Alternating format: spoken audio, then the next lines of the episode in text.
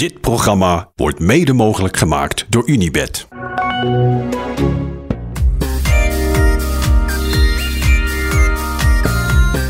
Goedenavond Thijs. Goedenavond, Inne. Goedenavond. Het beeld van de dag. Wat mij betreft, als ik mag openen. Ja, ga je gang. João Almeida aan het uitfietsen achter het podium.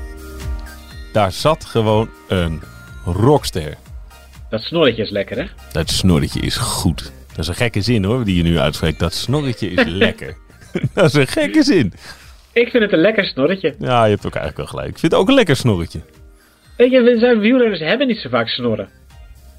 Ik vind het een lekker snorretje. Ik vind, dat, ik vind het gedurfd dat hij ermee ronddraait. Die wordt er toch altijd een beetje op aangekeken. Zo van, ah, doe je iets raars? En wielrenners is toch vooral altijd zoveel mogelijk haar weg. Ja, dat is waar. Zoveel mogelijk kaal. Huh? Ehm, ja, ik, ik, I like it. Ik vind een, eh, ik, ik staat hem goed. Hij Ja. is ook wel heel hip. Ja, hij is heel hip. Dat haar en zo, dat, dat haar, dat zat ook heel boybenderig. Heel, heel wild en uitste- alsof de kapper er heel lang over gedaan had. Was uitstekend beeld. Hij zou, eh, ja, hij zou zeker in een boyband kunnen zitten. Ik zie hem ook wel echt met, een, met een schort voor. ehm, en zijn haar en een goede kuif. Eh, achter de- bar staan in eh, een hele hippe koffietent. In Lissabon. Zeker, zeker. Zo, zo met uitzicht op de brug. Ja, ja. Ja, het oude centrumpje, omhooglopend straatje. Kleine Ja, hip barretje. Ja. Wil, wilt u de koffiebonen uit de binnenlanden van Bolivia? Of wilt u ze de donkergebrande bonen uit eh, Ethiopië. Oost-Ethiopië? Ja, ik ben ooit naar de kapper geweest. Naar, in eh, Lissabon. Dat was ook zo'n plek. Mhm. Iets, iets grotere straat, maar voor de rest voldoet het aan alles wat jij nu eh, eh, op, opwerpt. En dat, daar had hij ook zo tussen kunnen staan. En die hadden van die, van die lederen schorten om. Ja, ja, ja. En die hadden nog van die ouderwetse mesjes. Nou, ik heb daar denk ik twee en een half uur in de kapperstoel gezeten. Die man die had werkelijk per- geperfectioneerd alles zo uitgekiend. Nou, dat, de, dat zag ik, ik zag eigenlijk de kapper van toen in hoe Almeida erbij zat. Nice, nice. Zijn er iconische snorren in het eh, peloton eigenlijk? Ehm, nou, Het is niet zo dat... eh, ja, in het voetballen kan je het wel bedenken. We hebben natuurlijk een hele periode gehad. Met Kohler, en Vuller en Rijkaard. Wouters had een goed snorretje. zeker. Nou, je hebt Van Baarle had natuurlijk een snorretje. Ja, Van Balen had een Eh, iconisch snorretje. Is heel In de, in de. Tour. Ja, dat was echt als een, een vies Rudy Vuller snorretje had hij. Te gek vond ik dat. Vond ik een Ja, goed eh, gecultiveerd snorretje. Ja. Ehm, ja, je had een tijdje terug, je had Zabriskie, die had een hele mooie snor. David? Zabriskie? Ja, ja, ja, ja een mooie snor. Victor Kampenaars, die had echt, echt een Ja. porno-snor. Ja. Toen de- in die periode dat hij ook zijn, zijn tijdritpak open deed voor zijn, zijn lief. Ja, ja, ja. Dat was die, Eh, ja. Ik weet nog dat Steven Kotza, die had echt een fantastische snor. Die moet je even googlen. Steven Kotza. Echt zo'n Burt Reynolds-achtige Magnum snor. Eh, ik eh, zie nog José Serpa. Met van die flaporen en een geweldige snor ook. Ehm, ik heb ook nog gereden tegen Oscar Pujol. Die had een snor met zo'n zo'n drie musketiersnor met van die krulletjes aan de zo'n zo'n krulletjes, weet je wel? Met Aan het wie, uiteinde. wie zei je? Want ik was aan het opzoeken. Wie? O- Oscar Pujol. Oh Ja. ja. die moet je ook zeker. Ja, ja. Maar ehm, ik ga wel. Er is een, een oud verhaal over snorren. En dit is wel ook een beetje de reden. Kijk, nu tegenwoordig is het natuurlijk ook hip om een snor te hebben. hè. En wielrenners zijn ergens ook wel. Het zijn natuurlijk allemaal wel, wel kuddedieren. En als wielrenner, ja, alles moet er vooral af. Dus het is vooral heel veel kaal. En je wordt er wel een beetje op aangekeken als je een statement maakt. En de meeste wielrenners, als die een statement maken, dan is het met een kleurbril of een andere kleur schoentjes of zo. Dat is dan al heel wat. Het zijn nou niet echt modebewuste types. Wat, Nee. wat schreef Tim, Tim ooit in eh, de Renner of in 43 wielerverhalen? Waar de gemiddelde voetballer zo'n 20 jaar achterloopt op het modebeeld, is dat bij wielrenners minstens het dubbele. Ja, punt. Zeker. En kan ook 10 of 20 jaar weten. we. Maar in ieder geval, goede, goede, ja, waarheid als een koe, denk ik. Ja. Uh, maar er is dus één echt, echt tof verhaal over snorren in het peloton. Uh, ik, ga het even, ik, ik heb het namelijk een keer gebruikt in een column, dus ik lees gewoon even een stukje uit voor. Okay? Doe even. Begin jaren 80 reed er een Zwitser met een Duitse snor bij TI Rally, de ploeg van Peter Post. Urs Freuler heette hij. Post had een grafhekel aan gezichtsbeharing, maar Freuler liet in zijn contract opnemen dat hij zijn snor mocht behouden. Hij maakte wel een afspraak met zijn ploeggenoten. Als hij een rit zou winnen in de Tour van 1981, dan ging zijn snor eraf. Freuler won de massasprint in Bordeaux. Maar toen zijn ploeggenoten in het hotel met een schaar aankwamen lopen, bedacht hij zich. Hij schreeuwde moord en brand en verdedigde zijn snor met een mes. Het resultaat? De snor bleef eraan, maar zijn ploeggenoten deden nooit meer een trap voor hem. Het jaar erop reed hij in een andere ploeg. waar gebeurt? Dit is waar gebeurd verhaal dus. Ja. Geweldig hé.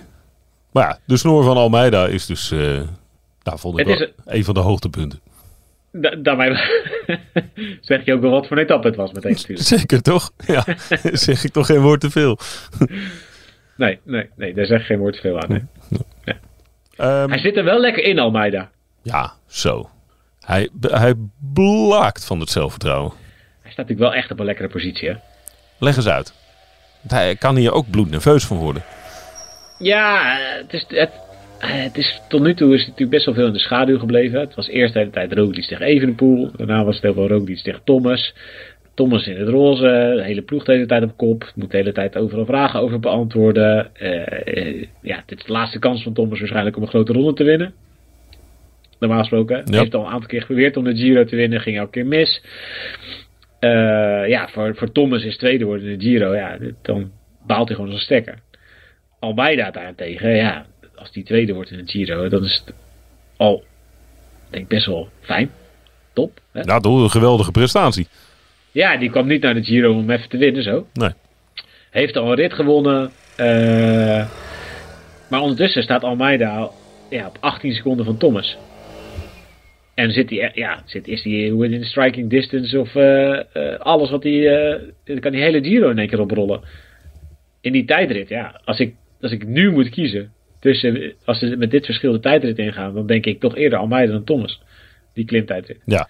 ja, dat is de positie waar hij in zit. Maar hij lijkt het zelf zo goed te beseffen. Ja. Kijk, hij heeft natuurlijk dat jaar gehad, dat de, die hele gekke Giro, waar die Gegenhard uiteindelijk won. Uh, waar Kelderman uh, de hele tijd hem aanviel en hem uiteindelijk uit de trui reed. Ja. In die, in die ja, veel besproken etappe over de Stelvio, de, de Jackies en dat Sunweb hem toen alleen liet aanmodderen ergens voor de laatste klim. Ja, er was een klim naar de drieën meren. Lago Precies. de... Ja. Ja, die, die, die Giro toen Sunweb niet koos tussen Hindley en Kelderman eigenlijk. En toen ze 2 en 3 werden. Maar die Giro, dat was ook de Giro waarin Almeida heel lang in het rol stond. En heel goed reed. En dat was toen best wel verrassend. En die nou, brak eigenlijk pas de laatste dagen toen. En uh, Hart won en Almeida uh, stond helemaal niet eens op het podium. Nee. Maar ja, de jaren daarna is het toch vaak een, echt een goede renner. Maar niet eentje die je zo even zou opschrijven voor een, om een grote ronde te winnen. En dat kan nu wel ineens. Dus hij heeft wel echt wel ook wel psychologisch gezien wel echt een enorme stap gemaakt. Als je gisteren zag ook hoe hij zelf het echt naar zijn hand zette. In plaats van de hele tijd af te wachten en ja, ergens vanuit de achtergrond nog wat, nog wat terug te komen en de schade een beetje te beperken. was hij gisteren gewoon echt aan het aanvallen. Ja, nou dat is een belangrijk verschil. Je, je hebt niet vaak momenten gehad dat hij initiatief nam. Dat hij zelf ging aanvallen. Dat hij, dat hij de eerste was. Dat hij ook het verschil kon maken. Daarom dachten we ook, toch, dat hebben we wel even gedacht. Toen hij wegreed, dacht je, oeh, zou je dit wel volhouden? Ja, omdat het echt anders deed dan, dan wat hij normaal gesproken deed. Ja, en het was echt van ver. Er was nog een end te, was nog een end te klimmen. Ja, nou ik denk heus wel dat er bij die ploeg ook wel een nodige druk op staat. Het is natuurlijk gewoon, uh, ja, iedereen krijgt uh, een zak geld om uh, naar UAE te gaan. En dan moet er wel worden gepresteerd. Het is ergens ook wel een soort van huurlingenlegioen. Ja. Af en toe dat idee krijg je er ook wel eens bij. Als je ziet hoe, dan, hoe fijn dan in zo'n, zo'n Giro tot nu toe rondrijdt. En het alleen Gewoon in een interview ook heeft over geld, weet je wel. Ja. ja. Oké. Dat is niet zo geheim dan, hè, verder. Ah, die Vine die geeft wel goede interviews. ja, hij is een leuke gast. Ja. Ja. Ja. Hij- hij- hij zegt misschien iets te veel, dat hij het s'avonds op zijn- op op zijn op zijn lazer krijgt. Nou, die rijdt volgend jaar bij de andere ploeg. Nee, nee, hij is contractverlengd. Ja, ja. Maar eh, ja, ik, ik, eh, ik zou als ik Thomas was wel behoorlijk zenuwachtig geworden van Almeida. Dat zou ik ook worden, ja. Het is geen klein jongetje die al blij is eh, dat hij de witte trui wint en, eh, en dat hij tweede wordt. Het is echt iemand die, die, die ondertussen gewoon zo zijn mes aan het slijpen is, terwijl hij vlak achter je rijdt. Ja, moet hij het morgen al eh, proberen te doen? Nog een keer? Almeida? Ja? Mm, nee, niet per se. Oké. Want? Nou, omdat ik denk dat hij er best wel goed voor staat. Als je, eh, als je met deze verschillen die tijdrit ingaat. Ja, als ik het nu moet, als ik het nu moet zeggen. En dan ze, ze, ze- die eerste drie, ja, ze schelen natuurlijk niet heel veel met elkaar. Maar na gisteren. En met die tijdrit. Eerst stuk vlak en daarna hele steile stukken. Ja, dan is misschien Almeida wel de, de, grootste, de grootste kandidaat om, om, om de Giro te winnen. Thomas, voor, ja, Thomas staat vooraan. Dus ja, die 18 seconden, dat is in die klimtijd, is dat volgens mij is, is het niks. Nee. Nee, dat is zo te overbruggen. Ja. Hoe kort hij eh, qua kilometers ook is. Ja. ja, moet hij de komende dagen wat proberen? Ja, het, is een beetje, het hangt er een beetje vanaf. één, hoe hij zich voelt. En twee, hoe zeker die is over die klimtijdrit. ja. Maar stel even, want we, we zeggen nu dat hij heel veel zelfvertrouwen heeft. Want dat straalt hij uit, dus dan komt hij over. Dan zou hij dus gewoon kunnen wachten. Kijk, wat, wat Almeida voor heeft op Thomas, hij is ietsje lichter en hij is ietsje explosiever. Mm, hij heeft echt een goede, echt een goede punch en echt een goede sprint. Dus hij zou ook, eh, ze, ja, ze zouden ook bijvoorbeeld kunnen proberen, of kunnen zeggen bij UAE, we, we rijden dicht op het laatste en we maken er gewoon, ja, hij hoeft niet eens aan te vallen, maar gewoon sprinten. Voor de bonies. Proberen bo- Voor, voor de bonificaties sprinten. Ja. Is natuurlijk wel risicovol, want het is wel gewoon echt een lastige, lastige finale. Maar ja, kijk, in normaal gesproken is Roglic nog, nog explosiever. Maar ja, die heeft gisteren natuurlijk wel laten zien dat er het nodige, om, het nodige mist aan zijn, aan zijn huidige vorm. Dus je zag aan het sprintje ook tussen Almeida en Thomas. Dat Almeida echt wel meer, meer punch heeft. Oké. Interesting. Dus ja, kijk, als je gewoon puur kijkt naar wat, wat, wat krijg je nu nog, de drie etappes die, die er aankomen. Dus je krijgt, ja, de klimtijd hebben, hebben we het over gehad. Dat is een, een, ja, dat is een lange, gelijkmatige inspanning als je het goed doet.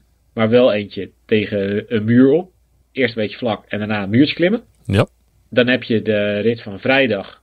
Ja, dat is echt de zwaarste rit van de hele Giro. Dat is, daar gaan ze één voor één binnenkomen.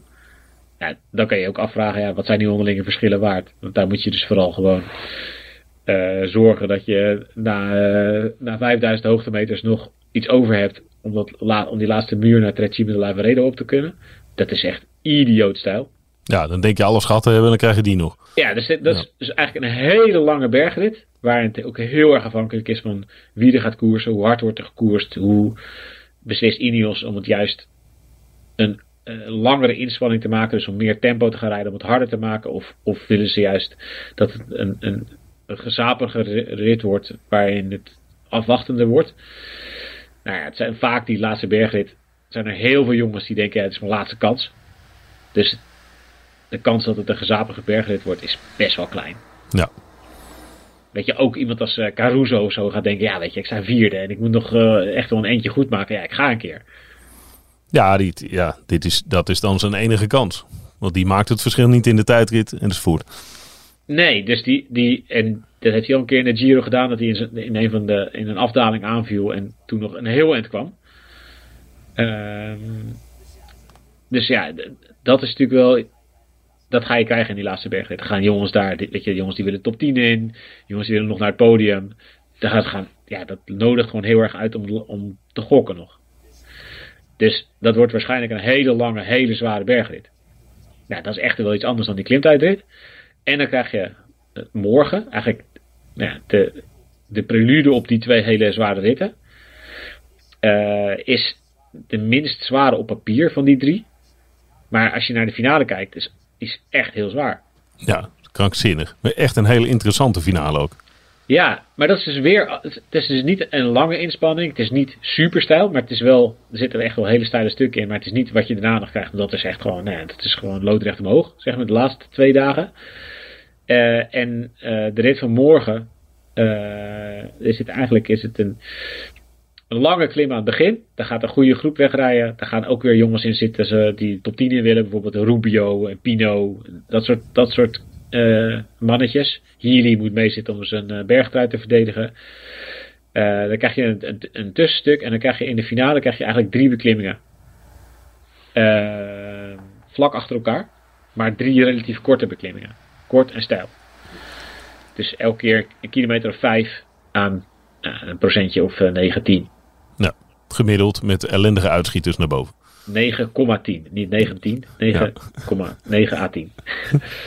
Dus ja, dat is, dat is echt ook weer. Dat, dus dat zijn inspanningen van zeg maar van, van 20 minuten elke keer. 15 minuten. En dat is, ja, dus je hebt best, best wel interessant aan die laatste dagen. Dus je hebt morgen een paar inspanningen van een kwartier voor de klassementzenders. Overmorgen waarschijnlijk een hele lange uitgesmeerde inspanning over de hele dag door volle bak koers. En dan die, die klimtijdrit, een inspanning van, nou ja, het zal zijn, drie kwartier of zo. Dus het zit allemaal, ja, je hebt het eigenlijk allemaal de komende dagen. Wat het wel heel interessant maakt. Dus dan moeten die renners moeten dus ook gaan nadenken. Oké, ja, waar, wat ligt me het beste? Waar wil ik dat de strijd wordt uitgevochten? Dat is wielrennen uiteindelijk, weet je. Je wilt je tegenstanders op het terrein lokken of krijgen of dwingen. Waarop jij denkt dat jij het meeste voordeel hebt over ze. Ja, en is dat in te delen? Is, er een, is, er, is dat toe te wijzen aan een van die drie? Nou ja, als je nu kijkt... Roglic zou morgen, als hij een goed, goede doen is, ja. is morgen het meest geschikt. En zaterdag? Ja, ja. Kijk, die, die rit naar de Monte Bondone was een rit. Daar hebben ze, uh, dat was een hele lange slotbeklimming uh, van 23 kilometer. Dat was gewoon een inspanning van bijna een uur, die laatste. Uh, ze reden heel hard. Ze reden bijna 6 watt per kilo, de, eerste, over een uur. Nou, dat is echt, echt heel, heel veel. Voor Thomas ja, die heeft dat zelden eerder gedaan, misschien wel nooit. Uh, die heeft een hele lange carrière gehad. Uh, maar ook daarvoor hadden ze al extreem veel energie verspeeld. Dus het was natuurlijk een hele lange dag, staat super hoogtemeters in. En als je keek naar de kilojoules van renners op hun Strava-accounts, dat was echt heel erg veel. Dus het niveau eigenlijk van die eerste, te zeggen, en we hebben natuurlijk nu elk af en toe hebben het over een onthoofde Giro, of een uitgeklede Giro. Maar eigenlijk was het niveau in die Monte Bondone rit heel hoog. Dat ze dus met, met zoveel opgebouwde vermoeidheid door de rit heen, dus zoveel verspeelde energie, nog een, een, een uur lang tegen 6 wel per kilo konden rijden, was echt best wel... Uh, indrukwekkend. Indrukwekkend, ja. ja. Dus daar zie je natuurlijk ook wel aan dat uh, ook Roglic. Hij is niet top, maar hij is ook niet heel slecht. Nee, nee maar anders sta je ook niet uh, na alles wat er geweest is uh, op 29 seconden. Nee, maar goed, als je dus zo'n dag hebt en je weet dat Roglic eigenlijk in, in, ja, in, in de basis het meest explosieve is van die drie. En dat hij het eigenlijk het meest moet hebben van de kortere inspanningen. Dan zou je zeggen dat die dat is morgen, de donderdag, met de kortere beklimmingen, het meest geschikt is voor Roglic. Ja. Dat die finale eigenlijk, dat Jumbo die eigenlijk zou moeten aangrijpen om een tik terug te geven. Want als je het gaat laten afhangen van vrijdag, dan ga je dus weer een rit krijgen die gaat lijken qua, puur qua, qua inspanning over de hele dag. Het gaat waarschijnlijk lijken op die rit van de Monte Bondone. Is wel echt wel, de beklimmingen op het laatst zijn veel steiler. Dus het is geschikter voor de jongens die iets lichter zijn. Dus dat kan ook nog iets aan de verhoudingen veranderen. Misschien iets minder geschikt voor Thomas. Maar ja, als ze dus een hele lange, uitgesmeerde inspanning van maken. Dan lijkt het eigenlijk op dat Thomas daarin misschien wel van de drie het sterkste is. Ja, nu het beste is. Ja. Dus dat is aan Ineos ook. Ja, als zij het dus heel rustig aan gaan doen. Uh, die vrijdag vooral. Als zij alleen maar denken, we, gaan, we vinden het goed zo en we, laten die eerste groep ver wegrijden en we zorgen dat er geen strijd is om de ritzegen en we laten alleen maar aankomen op de laatste klim. Denk ik niet het beste voor Thomas. Ze moeten eigenlijk een beetje hetzelfde doen als wat Jumbo deed in de Tour tegen Pogacar.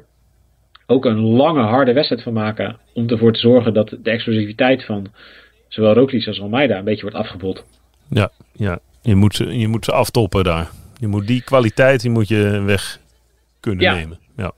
Ja, en dan, eh, als dat zo is, ja, dan ligt er natuurlijk een belangrijke rol voor de Plus en voor Adelsman. Die moeten dan gewoon echt gas geven. Poh, dan moet je wel lang gas geven hoor. Ja, nee, zeker. Ja, Dat is natuurlijk wel echt een heel groot nadeel. ja. Dat ze nog maar twee hebben om eh, echt op die manier eh, gas te kunnen geven. ja zeker. Maar ja, dat betekent, ja, dat zou eigenlijk, als ik, nou ja, als ik dus ploegleider zou zijn van, zou zijn van Jumbo, dan zou ik de donderdagrit al aangrijpen om een, proberen een tik terug te geven. En als ik ploegleider zou zijn van Ineos, dan zou ik de vrijdagrit nemen om eh, ze te smoren, echt ze te versmachten. Ja. En, en als ik ploegleider zou zijn van Almeida, dan denk ik eerlijk gezegd dat ik eh, eh, zoveel mogelijk zou wachten. En, en zou, zou laten rijden als, ja, als iemand die er soort van tussen staat en die doet alsof hij er zo lang mogelijk niet is. Als er eh moeten worden gesprint en bonificaties, vooral alles, alles meepikken. En als een van die twee breekt, ook proberen mee te zitten. En dan eh, misschien wat te laten aankomen op die klimtijdrit met de huidige verschillen. Zo maak je de, de komende dagen wel net even wat interessanter om naar te kijken. Ja, zo zeker. Ja, ik bedoel, ik ben die gast. Ik kan natuurlijk niet in, in de benen van die gasten kan ik niet. Nee, nee, nee, ik kan zeker niet, niet. Nee. niet in, in hun hoofden kijken, maar dat is eh, hoe, hoe, hoe ik de verhouding inschat. Ja. Ja. Nice, nice, nice.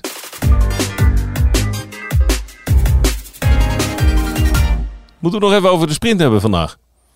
Oh ja, Anders krijgen, krijgen we weer op ons kop. Ik vond het. hè, Er was natuurlijk eh, verder gebeurde niks. Prima, halve rustdag in die eh, zware week is allemaal oké. Eh, maar het was wel een heel lekker sprintje.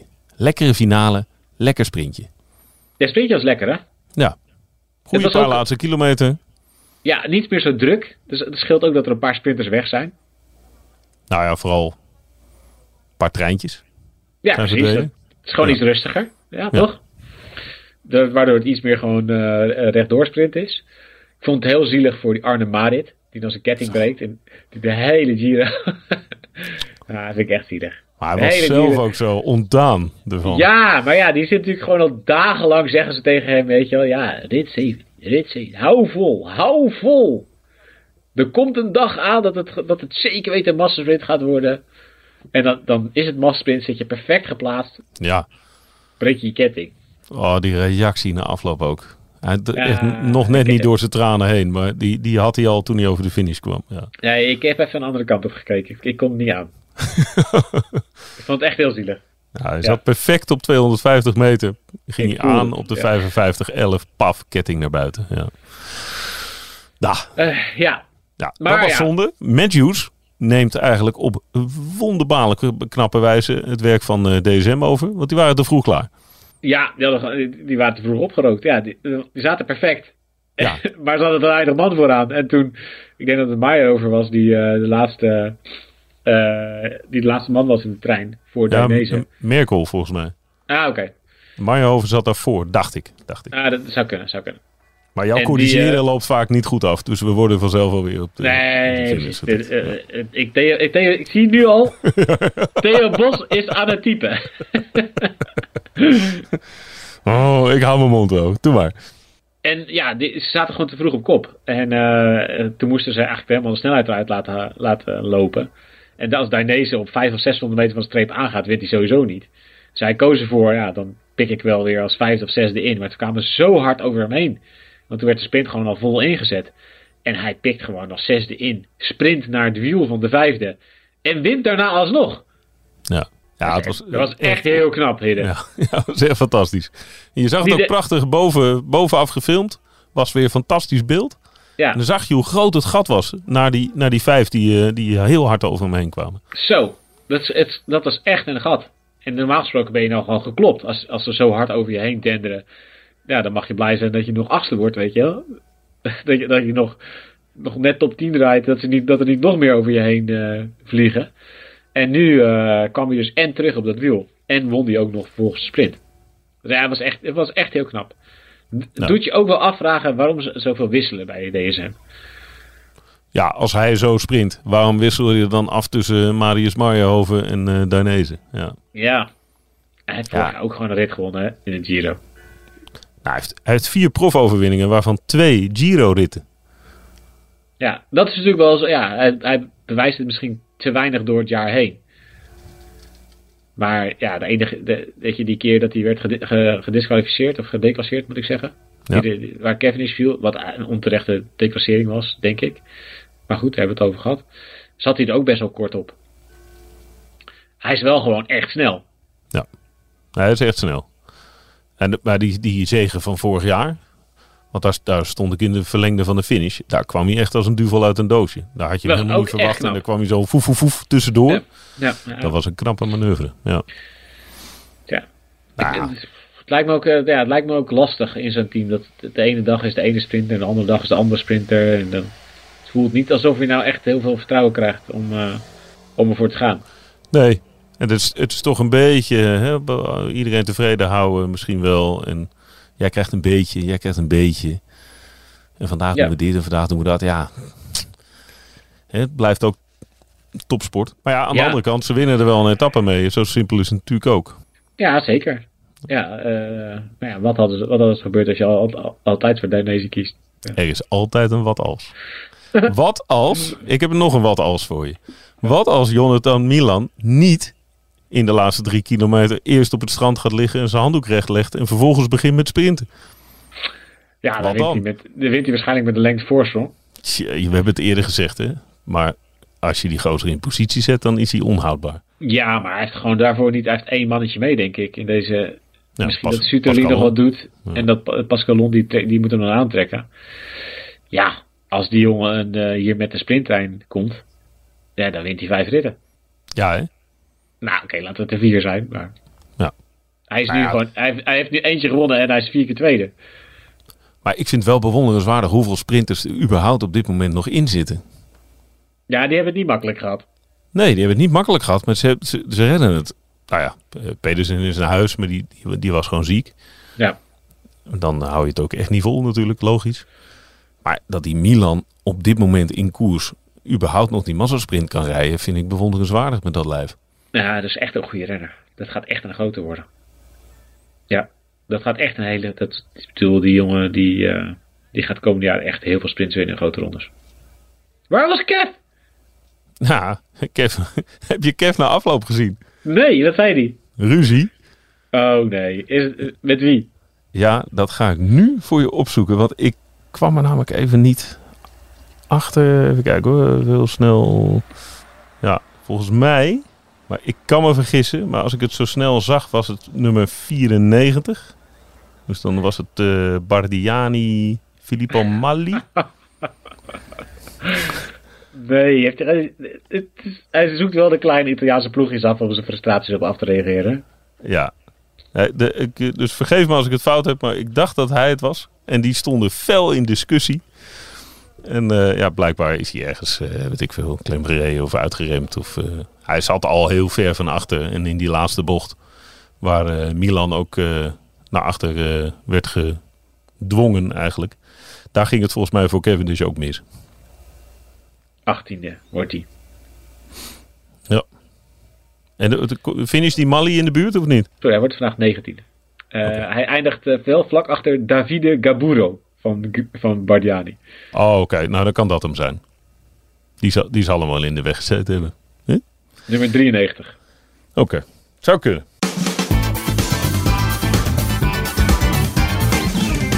Ter afronding van deze podcast. Paar snorren nog. Die, die wij niet mogen vergeten. Ja, ja, ja, Magnus Kort ja. Nielsen. Ah, zeker. Ja, dat is ook een goede snor. Ja. Ja. En misschien wel de mooiste snor van het peloton. In mijn actieve belevingsjaren.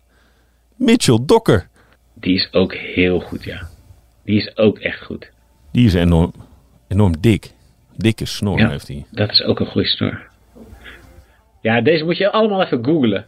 Deze, dit, dit kunnen we wel, dit kunnen we wel hier zeggen, maar dit is, deze snorren moet je gewoon één voor één even googlen en denken, oh ja, ja, ja, die ja. Ja, het is echt... eh, ja, die Mitchell Dokker die werd vergeleken met, eh, hoe heet het toch? Maaskantje.